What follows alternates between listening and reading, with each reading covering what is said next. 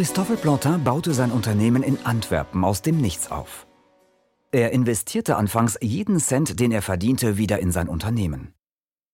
Pontins Nachfolger, sein Schwiegersohn Jan I. Moretus, tat dasselbe. Die Firma stand immer an erster Stelle.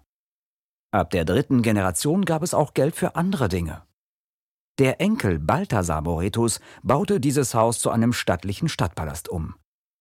Das Gebäude und die Ausstattung sollten den Status der Familie hervorheben. Die drei Prunkzimmer dienten deshalb auch als eine Art 3D-Visitenkarte.